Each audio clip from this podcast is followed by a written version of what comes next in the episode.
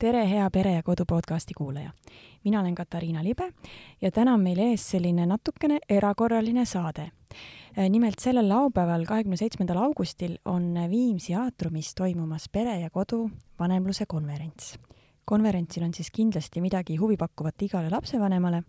päeva esimene pool on siis keskendunud üldisematele vanemlusteemadele ja hiljem saab siis teha valiku kahe lava vahel ühte on koondatud siis beebi ja väikelapse teemad ja teise on siis koondatud eel- ja algkooliealiste omad. muuhulgas äh, tuleb sinna rääkima psühholoog ja pereterapeut äh, Kärt Kase äh, sellest, mida teha siis, kui laps teeb pahandust. aga täna on Kärt siin stuudios ja täna ta räägib hoopis sellest, et kuidas hoida suhet väikeste laste kõrvalt. natuke räägime üldisemalt sellest, mis üldse võib suhte proovile panna kuidas laste sünd mõjutab üldse vanematevahelist suhet ja kuidas ka näiteks eakate eest hooldamine võib suhet mõjutada. tere, Kärt! tere! räägime siis täna sellest, kuidas hoida vanematevahelist suhet, kui lapsed on väikesed. ma küsiks üldse, et kuidas lapse sünd muudab vanematevahelist suhet? no üldiselt on üldse raske olla äh, sellises suhtes, kus on kolm inimest et tavaliselt ikkagi siis keegi jääb justkui nagu kõrvale või välja või eemale. ja, ja see ei ole ainult nagu ema-isa-laps koosluses, see võib olla ka mees-naine armuke, mees-naine ämm, ehk siis sellised kolmesed suhted ongi see noh, niimoodi potentsiaalselt pingelised. Eh, ja kui me mõtleme siis selle peale, et et ema ja isa alguses on nagu kahekesi, eks ole, siis tõenäoliselt noh, kas pikemalt või lühemalt, eh, nad õpivad selle kahekesi olemise selgeks ja noh, mingid asjad juba tulevad välja, noh, pereterapeudid ütlevad seda nagu ühiseks tantsuks, et ma tean, mis jalaga astub ja kuhu pöörab, eks ju äh,. aga siis see laps nagu noh, justkui lööb selle kahese suhte nagu äh, laiali selles mõttes, et ta tuleb ju sinna nagu vahele. Äh, ja üldiselt kõik inimesed on korraga nagu äh, siis ütleme, diaadilises ehk siis kahe inimese suhtes, ehk siis selles kolmikus saabki tekkida, ütleme, ema-isa, isa-laps, ema-laps. ja vot siis seal hakkabki juba mängima, et, äh, et kes tunneb siis ennast mis hetkel nagu eemale jäetuna ja noh, kuna laps on nii väike ja annab ka väga häälekalt märku, kui tema tunneb ennast kõrvalejäetuna, siis sageli see laps ei ole, kes eemale jääb mm. -hmm. et siis, siis jääb üks partneritest, jah kas psühholoogidel on mingi soovitus ka, et kui kaua oleks mõistlik olla koos enne lapse planeerimist? ma ei ole kuulnud sellist väga otsest soovitust, aga ma ise nagu oma loogika põhjal mõtlen niimoodi, et äh, et kui me räägime näiteks armumise faasist, mis kestab ütleme poolteist kuni maksimaalselt kaks aastat, äh, siis mina seoks selle laste planeerimise selle faasi läbimisega. et, äh, et kui me armume, siis äh, me armume, ütleme, ühte või kahte omadusse, mis siis on meile niisugune tuttavlik ja armas ja, ja väga meeldiv ja, ja me ei märka siis nagu inimest tervikuna ja vot selle pooleteist-kahe aastaga peaks siis nagu jõudma sellesse faasi, kus sul need roosad prillid on eest ja sa hoomad siis nagu inimest noh, ütleme siis tervikuna või vähemalt sul on palju selgem arusaam äh, sellest, eh, mis on nii see tore pool kui ka mitte nii tore pool. Ähm, sest alguses lihtsalt neid asju, mis ei ole see tore pool, kas sa ei märka või see ei häiri sind nii väga või sa loodad, et see muutub ja siis ütleme, kahe aasta jooksul on selge, kas siis on muutunud või ei ole. ja siin ma pean silmas ka seda, et, ähm, et see aeg peaks olema siis see aeg, kus sa oled tõesti nagu koos, et kui sa oled kaugsuhtes, siis, äh, siis see aeg võib pikeneda. et ikkagi kooselus sa õpid inimest kõige paremini tundma nendes väikestes pisiasjades. nii et äh, minu meelest nagu väga mõistlik oleks see, kui näiteks pärast poolteist aastat suhtes olemist võiks hakata rääkima, millal, sest noh, seal ju on ka eneseteostusküsimused ja mingid asjad, et, et äh, ma arvan, siis võiks täitsa olla juba nagu selge, et kes see on siis, keda ma oma lapsele emaks või isaks siis äh, soovin ja kas ta on see inimene, sest ähm, me loome paljusid suhteid inimestega, kes meile meeldivad või me armume, aga see ei tähenda, et nendega peaks tingimata suhtesse või püsisuhtesse astuma, veel vähem siis nagu lapsi saama. ja vahest inimesed unustavad selle ära, et nad justkui arvavad, et kui ma armun, siis see kõik tähendabki juba kõike järgnevat ka. aga kas on mingit soovitust selle kohta, et millal võiks kokku kolida? no ma arvan, et siin minu soovitusest ei aita, sellepärast et need, kes minu juurde jõuavad, need, ma alati küsin, et, et kui kaua te olete koos elanud ja kui kaua te olete suhtes olnud ja need eranditult ütlevad, oi, see käis nii kähku kohe. ja siis ma mõtlen, no päris kohe tõenäoliselt ei toimunud, aga no tõesti paar kuud siis ütleme, öeldakse, et paar kuud olime. ja sageli see on nagu kuidagi praktilistel kaalutlustel, et umbes, et no mis ma käin edasi-tagasi, eks niikuinii on umbes, et ebamugav, eriti naistel, et on hambari ja riided ja mis iganes ähm,. Aga minu meelest see kokkukolimine mm, ütleme, kokkukolimisega kiirustamine on selles mõttes võib-olla ohtlik, et ähm, see võib ühele või teisele poolele asjatuid lootusi anda.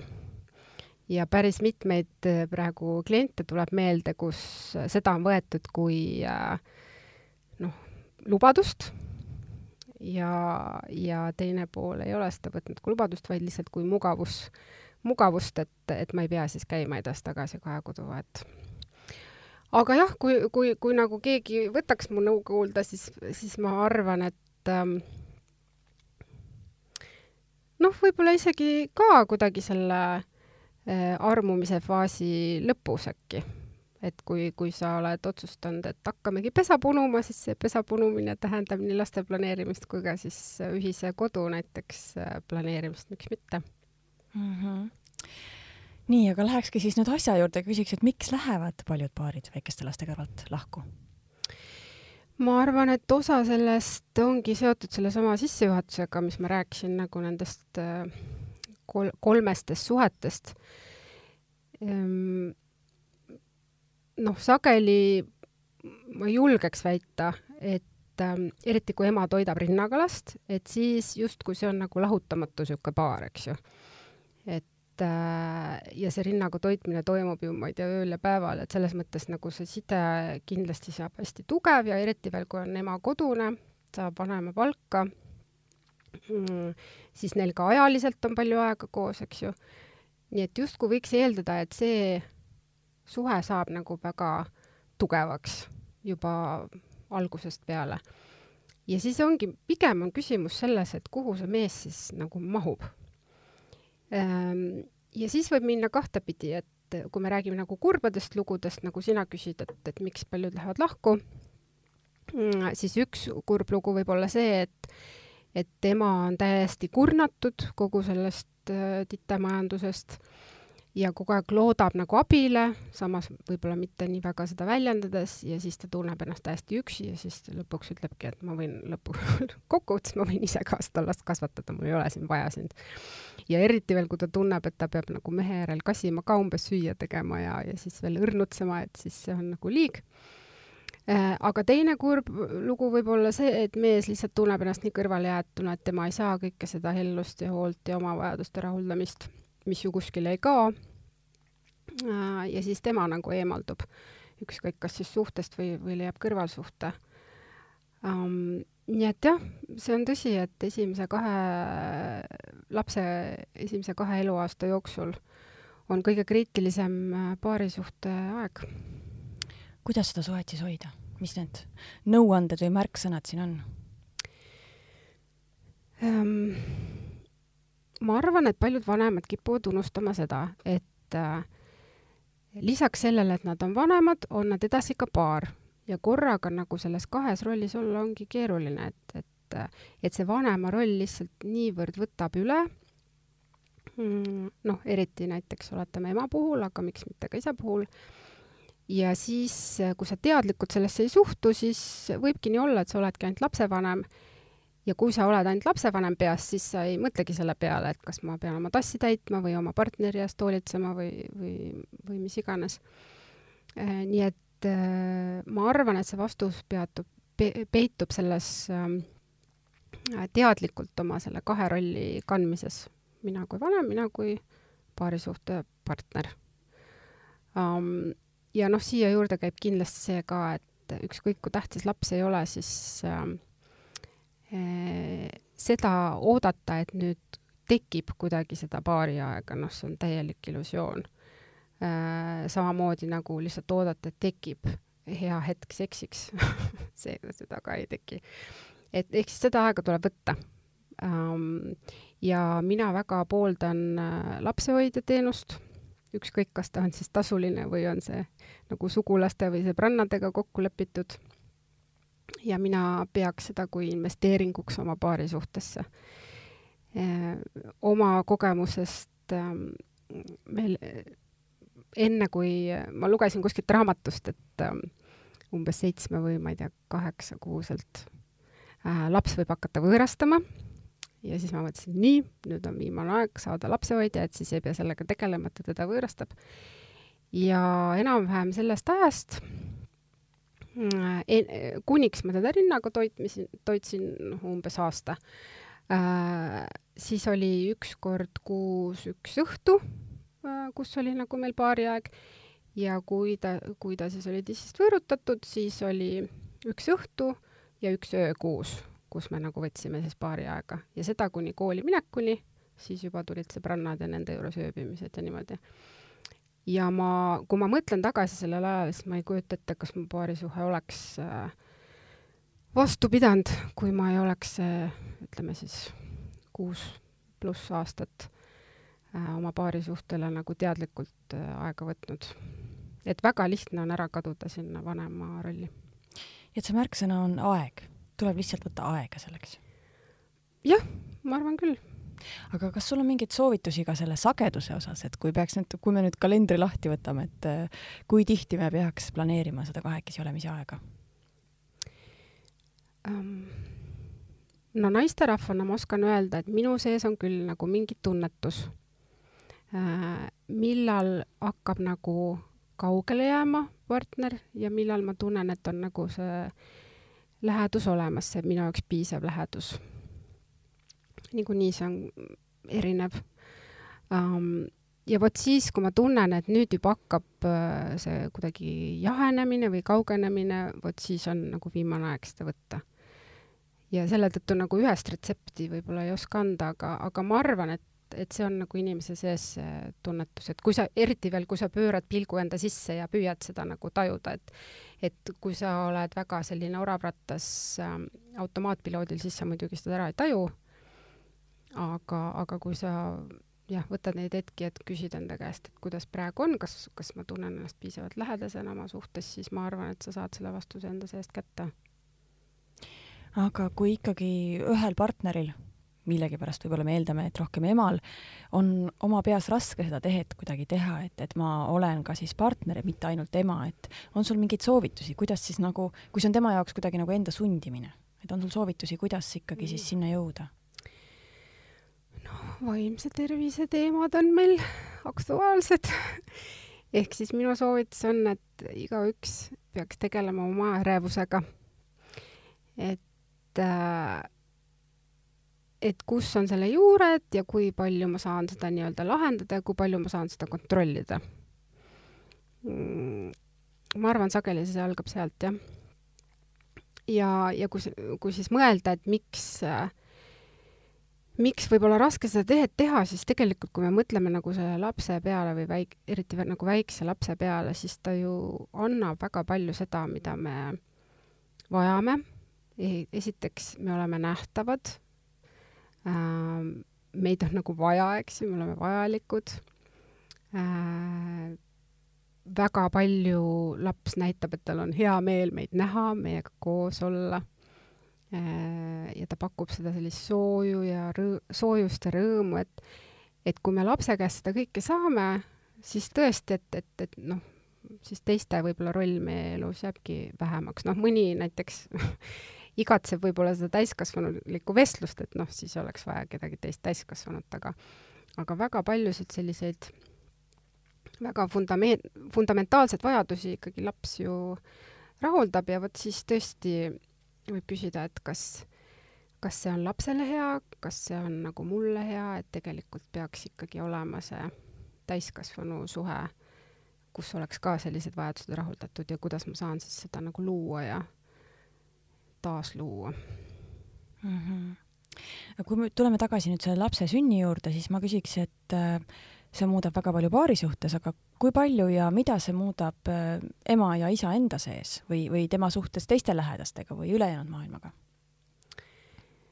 ja ähm, see on nii tore, et kui sul last ei ole, siis sa ei puutu üldse võib-olla kokku selle maailmaga, kus need on, kellel lapsed on, et et siis sa järsku avastad mingid lapsekasvatusraamatud ja pere ja koduajakirja ja ja, ja hakkad käima kohtades, kus on lapsega mugav käia ja siis tegema neid tegevusi, mis lapsele meeldivad ja ähm, ja noh, muidugi maja või kodu sisustus muutub kardinaalselt, mitte tingimata äh, siis selles suunas, mida sina nagu teeks, kui oleks ainult sina ja partner, aga ja siis on põrand mängu asju täis, et et see tõesti nagu kõikehõlmavalt avab mingi uue maailma ukse ja, ja võib-olla siis ähm, no terapeudina ma tean, et, et kuniks sa ise ei ole äh, lapsevanem, noh, eriti näiteks ema, siis sa võib-olla väga ei mõtle ka selle peale, kuidas su enda suhted on emaga. ja väga sageli see oma lapse sünnitamine on katalüsaatoriks siis mingite teemade äh, mõttes, mida siis võiks hakata nagu vaikselt arutama et siis nagu oma emaga neid lähedasi suhteid luua või taasluua. ja, ja võib-olla siis need sugulussidemed saavad olulisemaks, et, et ikkagi lapsel on nagu laiem ring kui lihtsalt ema-isa, kas siis praktilistel põhjustel lapsehoidjana või lihtsalt nagu juured on olulisemad. võib-olla mingi maakoht, ise saaduste kasvatamine mürgivabalt, kõik sellised asjad, eks ju, mm, saavad olulisemaks. et ähm, et see on tõsi, see on täitsa uus maailm mm. -hmm, palju muutub. Ma... ja, ja tõenäoliselt ka eh, noh, väga palju on seda, kus eh, teatud sõbrannad jäävad eh, kaugemale, kellel ei ole lapsi ja samas jällegi uued tutvused laste mingite hu huviringide kaudu. et, et see ka selline sõbravõrgustik võib täitsa nagu muutuda mingiks pikemaks ajaks. Ma tahtsin märksõnana tuua juurde veel ajakasutus ja aja planeerimine, mida ma panen siis enda lastega ja lastetute tuttavaid, tuttavaid võrreldes tähele, et mm, -hmm. et ilma lasteta inimestel, neil on ikkagi see ajast on teistsugune arusaam mm. -hmm. aga küsiks veel seda, et äh, millised elusündmused võivad veel äh, mõjutada paari suhet?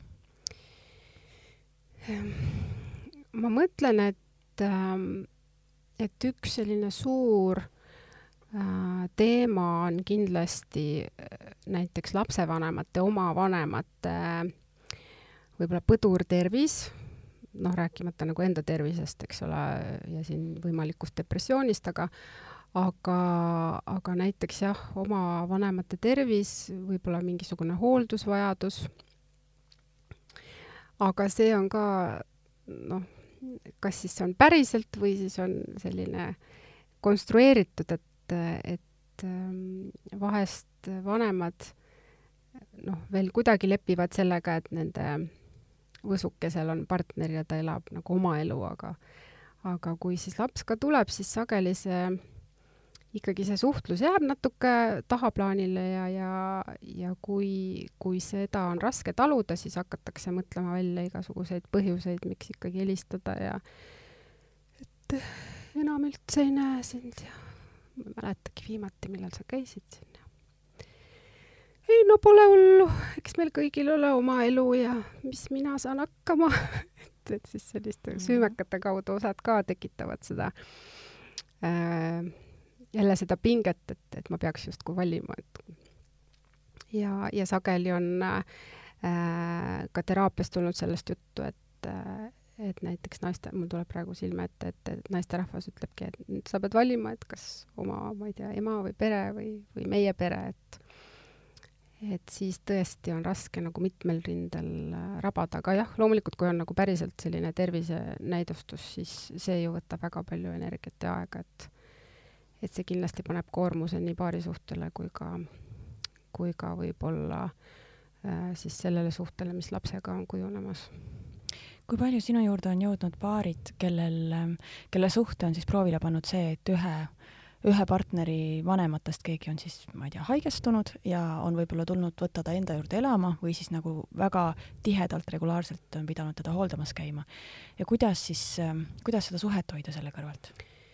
Eh, minul on olnud äh, väga vähe neid näiteid, mida sina praegu tõid, aga pigem on olnud neid näiteid, kus tegelikult nagu inimene on terve, aga mm. lihtsalt ta, mm, tema vajadus suhelda on oluliselt suurem kui, kui äh, võimalik on ja siis ongi nagu see mingi niisugune süümekate tekitamise kaudu käib see suhtlus, et, äh, et ühel hetkel siis nagu justkui üks mees, ma mäletan, tema nagu katkestas need suhted, sest ta lihtsalt ei suutnud kogu aeg äh, nagu meilidele vastata ja sõnumitele ja telefonidele. aga, aga on ka selliseid suhteid, kus see nagu noh, just nimelt mees näiteks jooksebki siis kahe pere vahet ja, ja püüab kõike teha, aga noh, tundub, et kumbki pool ei ole rahul. nii et neid ikka on, jah. aga see suhte katkestamine, ega see ju ka lihtne ei ole, see on ju, see toob ju, see on väga raske, seda ja, ja no ütleme, see suhte katkestamine on ka näile, tegel-, näiline, tegelikult on see suhtlemise võib-olla katkestamine, aga suhe jääb edasi ja tavaliselt need suhted, mis on nagu katkestatud niimoodi jõuliselt, Äh, need on endiselt tiksuvad sul peas kogu aeg ja ega sa ei pääse neist, nii et. kas sa soovitad siis koos selle vanemaga tulla teraapiasse? Äh, jah, noh, pereteraapia hõlmabki seda, et on ikkagi mitu põlvkonda koos, et, ähm, et meie saame oma mustrid oma vanematelt, nemad saavad oma vanematelt. Ja, ja kui me saame aru, mis on meie pagas, siis justkui meil tekib rohkem nagu sellist paindlikkust meie, meie käitumises, sest noh, näiteks võtame, võtame näite, et äh, on ema ja poeg, eks ole, üksik ema kasvatas oma poega ja neil oli väga lähedased suhted ja poeg täitis võib-olla osaliselt ka näiteks mehe rolli, eks ju, seal midagi parandas või, või aitas tassida või mis iganes. ja kui tema nüüd leiab uue partneri, siis mõnes mõttes ju ema justkui kaotab nii poja kui ka mehe ja, ja võib ollagi noh, seda asendajat raske leida, eks ju. nii et siis ma ei imesta, kui ta ikka proovib erinevat loovatel äh, viisidel seda suhet nagu taastada, kuniks siis oletame nii, et kui, kui poeg on väga selge selle piiri loonud, et nüüd sa pead ise hakkama saama, siis inimene kohaneb, eks ole, aga kui poeg nagu ikka veel lubab ka niimoodi vaikselt, siis, siis see võib päris kaua kesta, see eraldumine nii-öelda mm. -hmm. aga kui tullakse siis koos selle vanemaga. kui palju sa näed oma töös seda, et, et need ähm, vanem, suhtlemisvajaduses vanemad äh, on nagu valmis ikkagi kompromisse tegema, valmis nagu mõistma oma seda last, et miks ta eraldub ja et tal on nüüd tõesti, et tal on oma elu?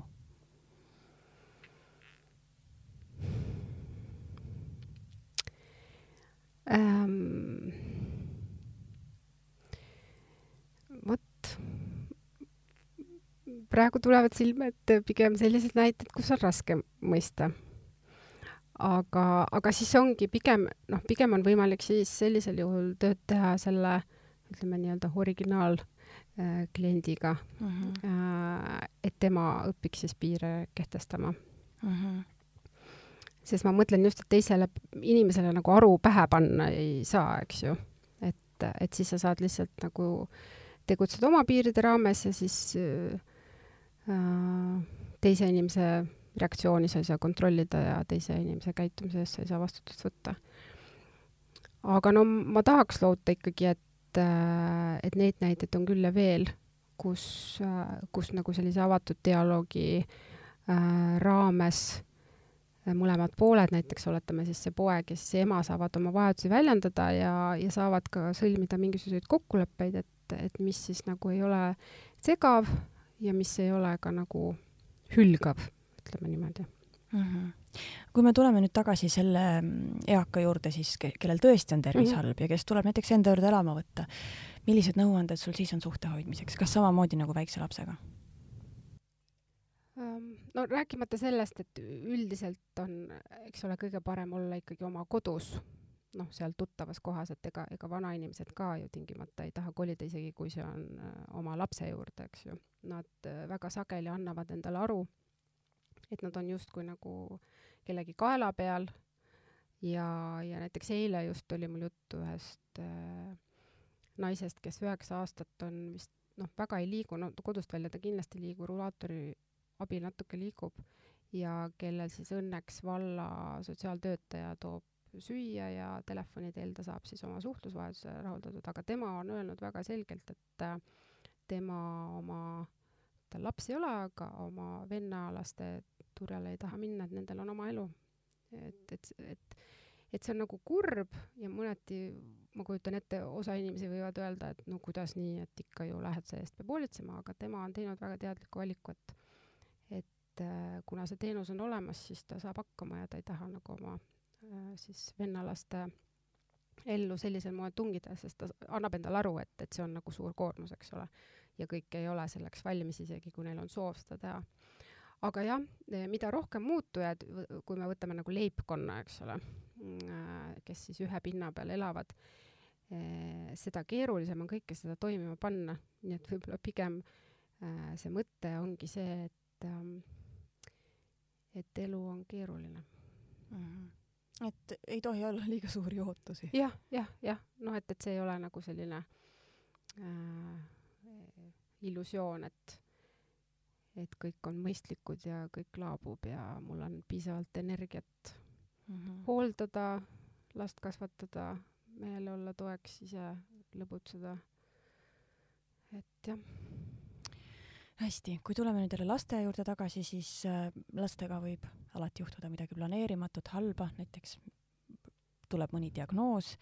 Äh, kuidas siis saavad vanemad olla teineteisele toeks? Ehm, jah, ma, ma olen üldiselt nõus, et, et teineteisele toeks tuleb olla, aga samas tuleb aru saada, et äh, me tegeleme siis selliste no ütleme siis traumeerivate kogemustega erineval moel ja sageli need pinged äh, kuhjuvad just siis, kui me justkui näeme ette ühte õiget viisi, kuidas siis selle muutunud olukorraga toime tulla, mis ei ole ajutine, võib-olla on alaline. et kindlasti on vahe sees ka selles, et kas see on nüüd niisugune ajutine asi, eks ju, et natuke tuleb üle elada ja siis on korras või siis see ongi nüüd eluks ajaks, eks ju äh, ja, ja tavaliselt, mis siis käivitub, on see, et üks siis noh, justkui nagu eemaldub näiteks oma kurbuses või ängistuses või abituses ja teine siis just nimelt tahab klammerduda, noh niimoodi, kui polariseerida. ja siis neil on noh, näiteks siis lapsevanemad, eks ju. ja siis neil on päris raske leida seda keskteed, sest ühele tundub siis teise lähedus ängistav või või nagu äh, lämmatav ja teisele teise kaugus ikkagi väga hirmutav ja hülgav. E, ja sellisel juhul peakski arutama, et, et mis, mis tundeid kogu see olukord mul tekitab, mida ma sult ootan, mida ma olen valmis siis sulle pakkuma vastavalt sellele, mis sa ootad, aga samas ka, mida ma ei ole ja mida siis võib-olla kuskilt mujalt äh, otsida, et äh, noh, näiteks mingid sõbrannad on võib-olla empaatilised või, või oma, oma ema või isa või et, et siis see ring on laiem, et, et siis ikkagi mitte panna neid noh, enda peas valmis mõeldud kohustusi inimesele, kes äh, ei, mitte et ei taha seda kanda, aga ei jaksa seda kanda, noh, kas või närvikava või mm. -hmm. nii et siin on jälle siis oluline märksõna rääkimine mm. -hmm aga kui laps saab näiteks siis erivajaduse diagnoosi, äh, kuidas siis ikkagi seda suhet hoida, et me ju tegelikult näeme Eestis seda, et äh, väga suur osa erivajadusega laste emadest on üksi, et see isa on kusagile ära kadunud, et kuhu need isad kaovad? jah, kui ma mõtlen selle peale, siis äh, ma arvan, et, et kuidas see on läinud ja noh, ma võin täiesti eksida, aga see on hüpotees, ongi see, et, et see Äh, suhtepinge, mis siis selle näiteks diagnoosiga äh, on suhtesse tekkinud, et vanemad ei ole osanud seda äh, omavahel lahendada nagu paarisuhte tasandil. ja siis pigem nad on eemaldunud teisest kui partnerist, aga noh, see kahjuks tähendab seda, et sa eemaldud ka siis oma lapsest ehk siis nagu justkui osaliselt sellest vanema rollist.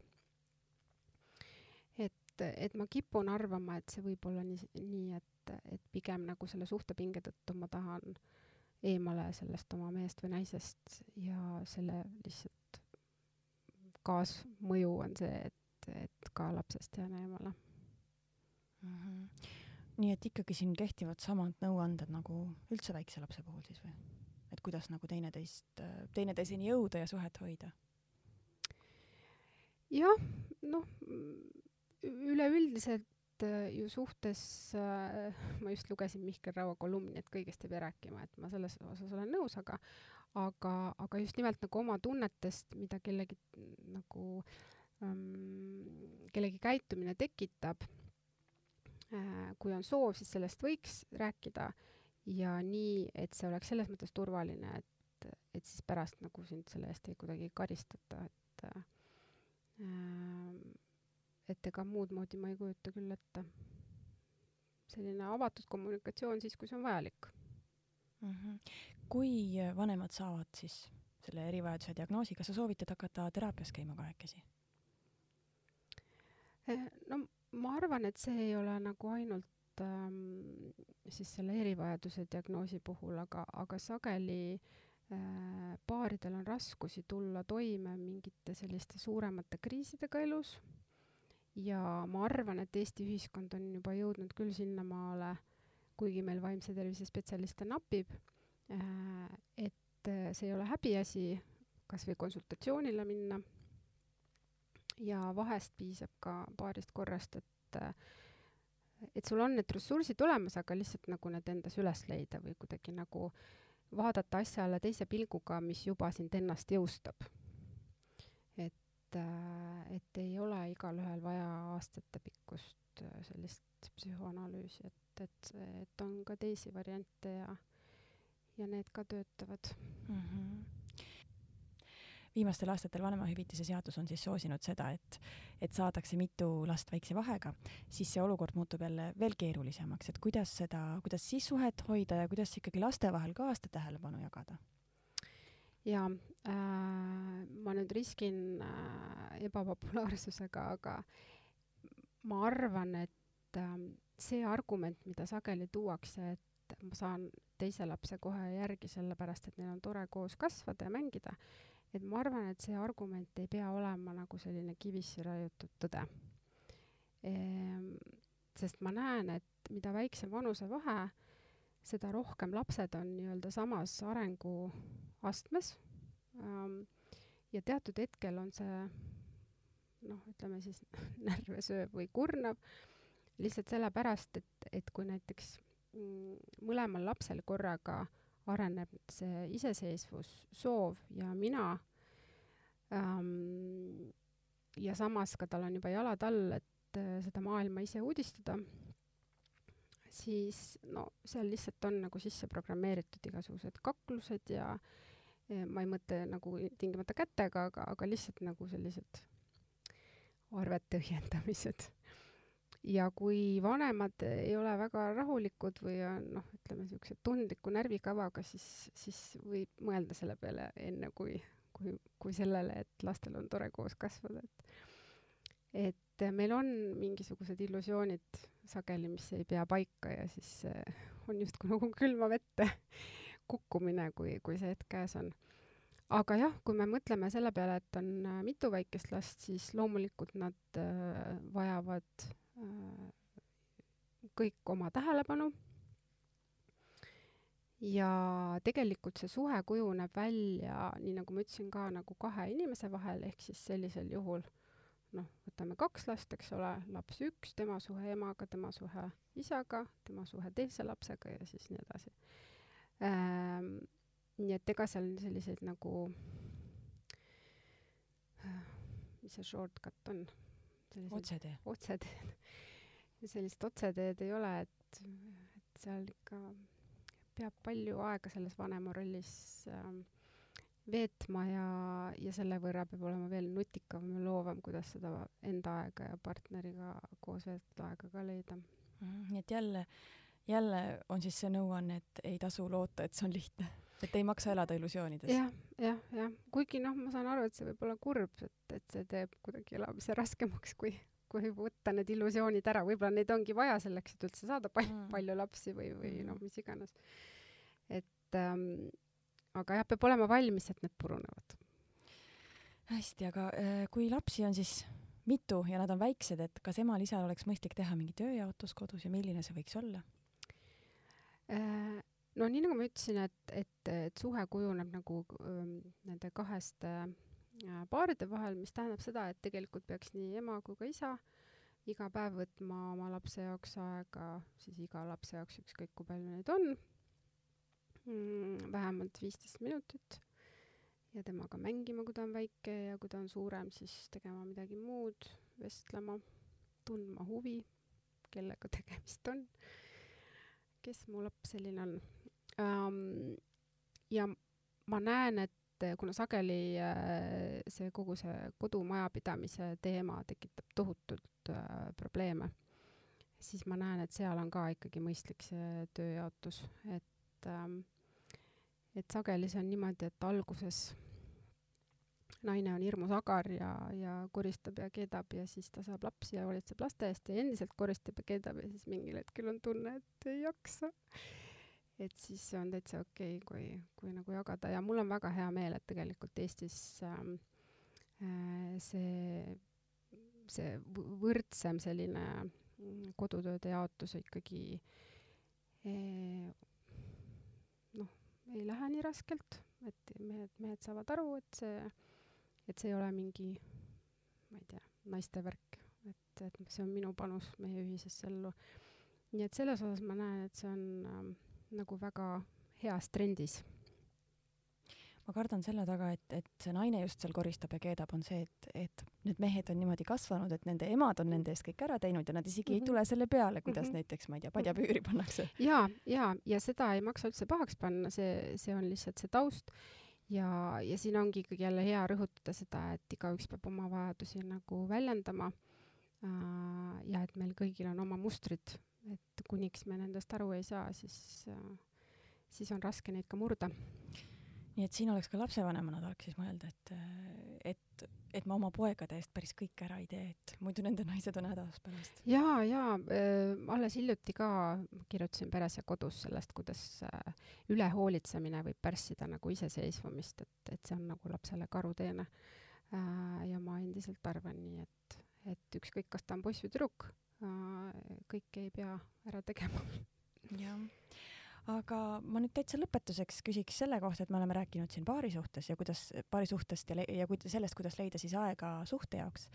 aga kui oluline on ikkagi see nii-öelda oma tassi täitmine ja kui palju selle jaoks peaks aega leidma ja, ja, ja kuidas seda tassi täita?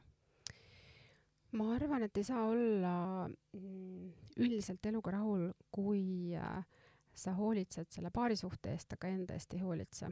et ähm, kunagi mulle väga meeldis äh, Nekrassov, kellel on eesti keeles ka ilmunud rida raamatuid ja tema täitsa sellise ilma mingi vale häbita ütles, et esikohal oled sina ja siis äh, teed paarisuhe ja siis on alles laps ja siis ma ei tea, mis sealt edasi veel tuli äh,.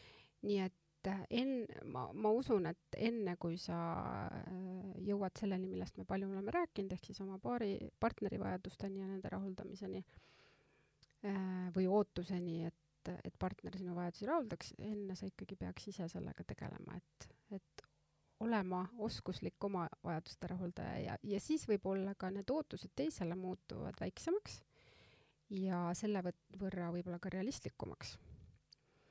et tegelikult ju näiteks endaga võib täitsa vabalt äh, vestelda, ennast võib kallistada, võib teha midagi lõbusat, mis sind naerma ajab, et selleks ei ole tingimata vaja teist inimest ja kui sa suudad seda endale pakkuda, siis äh, võib-olla need asjad, mida sa ootad partnerilt, on talle jõukohasemad. Mhm. see, mulle tundub see väga mõistlik ja hea soovitus lõpetuseks aga aitäh, Gert Kase mm! -hmm. aitäh, armas kuulaja, et sinagi meid ära kuulasid. loodan, et äh, oli sinu jaoks inspireeriv ja huvitav vestlus. kui sind hakkas nüüd huvitama Pere ja Kodu vanemluse konverents, siis võid minna Pere ja Kodu veebi, sealt leiad rohkem infot konverentsi kohta. piletid on müügil, piletitaskus ja Pere ja Kodu podcastid on ikka üleval laupäeviti